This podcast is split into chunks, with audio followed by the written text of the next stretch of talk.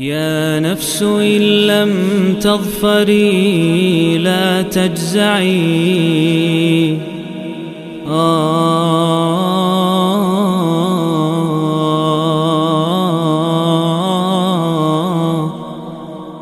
Bismillahirrahmanirrahim Alhamdulillah wassalatu wassalamu ala rasulillahi amma ba'du Ini adalah pertemuan ke-61 dari pembahasan 114 hari nyambut bulan Ramadan Dan kita bersama surat As-Sof Surat As-Sof adalah surat Madaniyah Turun setelah surat At-Tahrim Sebelum surat Al-Jumu'ah Dan surat dengan nomor urutan 61 ini Terdiri dari 14 ayat Serta disebut dengan nama surat As-Sof Karena diambil dari kata sofan di ayat yang keempat. Inna Allah yuhibbul ladzina yuqatiluna fi sabilihi soffan ka'annahum bunyanun marsus. Sungguhnya Allah Subhanahu wa taala mencintai orang-orang yang berjihad di jalannya dengan berbaris seakan-akan mereka adalah bangunan yang tersusun kokoh, barisannya rapi dan kokoh, tersistem, teratur, tertib dan kokoh. Masya Allah. Seperti bangunan kita kalau lihat batu bata atau tembok ya, ada batu bata batu batanya. Ya begitu, kok. Uh. Atau bahkan Allah mengungkapkan bukan sekadar tembok, bangunan. Berarti kan ada banyak tembok, ada banyak penyusun-penyusun bangunan. Begitu. Jadi seolah-olah Allah Subhanahu wa taala menggambarkan kalau kita mau berjuang menolong agama Allah dan memang itu tema besarnya. Tema besar surat ini adalah terorganisir dalam menolong agama Allah terorganisir dalam menolong agama Allah. Kalau kita mau menolong agama Allah, harus terorganisir. Ya, jangan serampangan tanpa aturan, sporadis, tidak tertib. Ya, Allah beri pahala lah.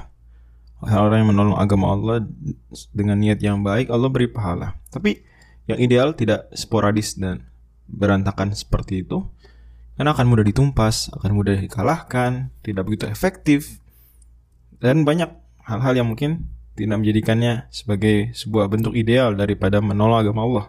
Kalau mau berjuang menolak agama Allah, Allah sudah berikan di sini pesan ayat keempat, sofan, tersusun rapi seperti bangunan. Bangunan misalnya ada alasnya, ada fondasinya dalam ke dalam tanah, eh, ada tiangnya, ada uh, tembok-tembok penyusun, ada atapnya, ada gentengnya, ada dan seterusnya penyusun-penyusun. Maka begitu juga kalau mau berdakwah menolak agama Allah dalam bentuk yang luas, maka peran yang diambil oleh kaum muslimin tidak satu peran. Semuanya jadi ustadz misalnya. Gak begitu.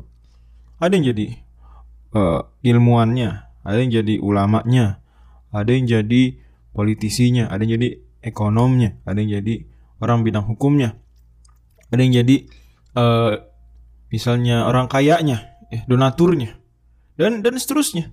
Saling bahu membahu. Ada yang bidang media, ada yang bidang kreatif, ya, ada yang dan seterusnya. Semua manusia diberikan beragam kelebihan dan kita bisa lihat para sahabat saja mereka Allah ya pilih mereka menemani Rasul Shallallahu Alaihi Wasallam sebagaimana kata Ibnu Mas'ud. Diriwayatkan oleh Al Hafidh Al Likai dalam Syarh Usul I'tiqad Al Sunnah wal Jamaah. Dan kita juga bisa lihat bahwa Nabi Shallallahu Alaihi Wasallam memuji mereka dengan karakter-karakter yang berbeda bakat-bakat mereka kehebatan mereka. Nabi SAW misalnya sebutkan ya afrodukum Zaid yang paling jago faraid Zaid a'lamukum bil halal wal haram Muad yang paling tahu hal haram Muad aqdakum Ali yang paling jago jadi hakim adalah Ali aqra'ukum Ubay yang paling jago ngajinya adalah Ubay dan seterusnya. Jadi memang seperti ka'annahum bunyanun marsus. Tersusun rapi. Ya Masya Allah. Nah, Terorganisir dalam menolak agama Allah. Dan tema besar ini Ya jelas nampak keterkaitan dengan nama surat ya. Sof, as-sof barisan. Rapi. Tertib. Apalagi kalau kita bayangkan barisannya adalah barisan sholat, tertib, rapi, dan lillahi ta'ala. Itulah. Ada ayat-ayat lain juga mendukung tema besar tersebut. Misalnya Allah Subhanahu wa taala di ayat kedua dan ketiga mengecam orang-orang yang sempat ber berceloteh ingin menolong agama Allah, ya. Jadi ada orang-orang sebagian kaum muslimin waktu itu sebelum diizinkan untuk berjihad mereka berceloteh ah, coba jihad wajib, coba jihad boleh. Karena awalnya dilarang berjihad, nggak boleh melawan.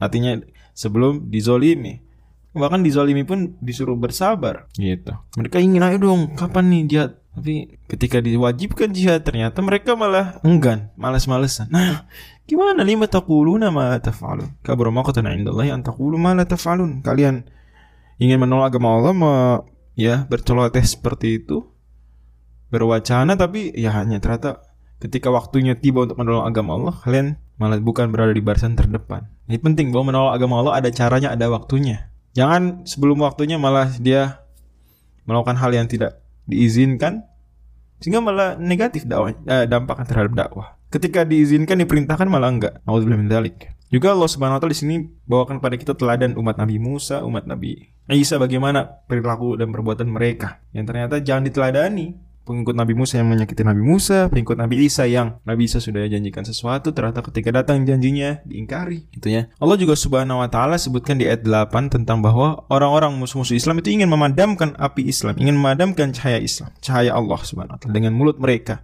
Maka kata Allah, Wallahu mutimmu nurihi walau karihal Allah akan sempurnakan cahayanya meskipun mereka tidak suka. Allah juga tegaskan bahwa Allah menolong rasul-rasulnya dengan al-huda dan dengan dinil haq petunjuk dan agama yang benar. Para ulama tafsirkannya ini al-ilmu wal amal soleh, ilmu dan amal soleh. Liyudhirahu wa dini Allah akan mengunggulkan dari semua agama meskipun orang-orang musyrikin tidak suka.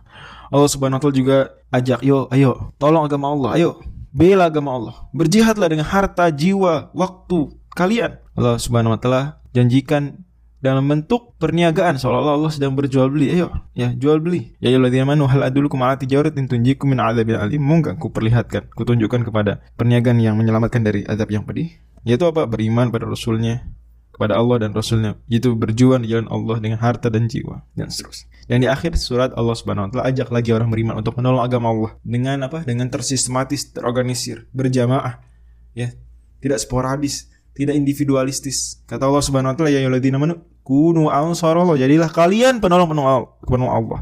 Kama qala Isa bin Maryam al-hawariyyin man ansarillah. Dan seterusnya. Mudah-mudahan Allah Subhanahu wa taala berikan pada kita taufik kekuatan pada kaum muslimin juga agar sungguh-sungguh berjuang membela menolong agama Allah. Kunu ansarallah sofan dengan sofan dengan uh, berbaris keanahum bunyan marsus wallahu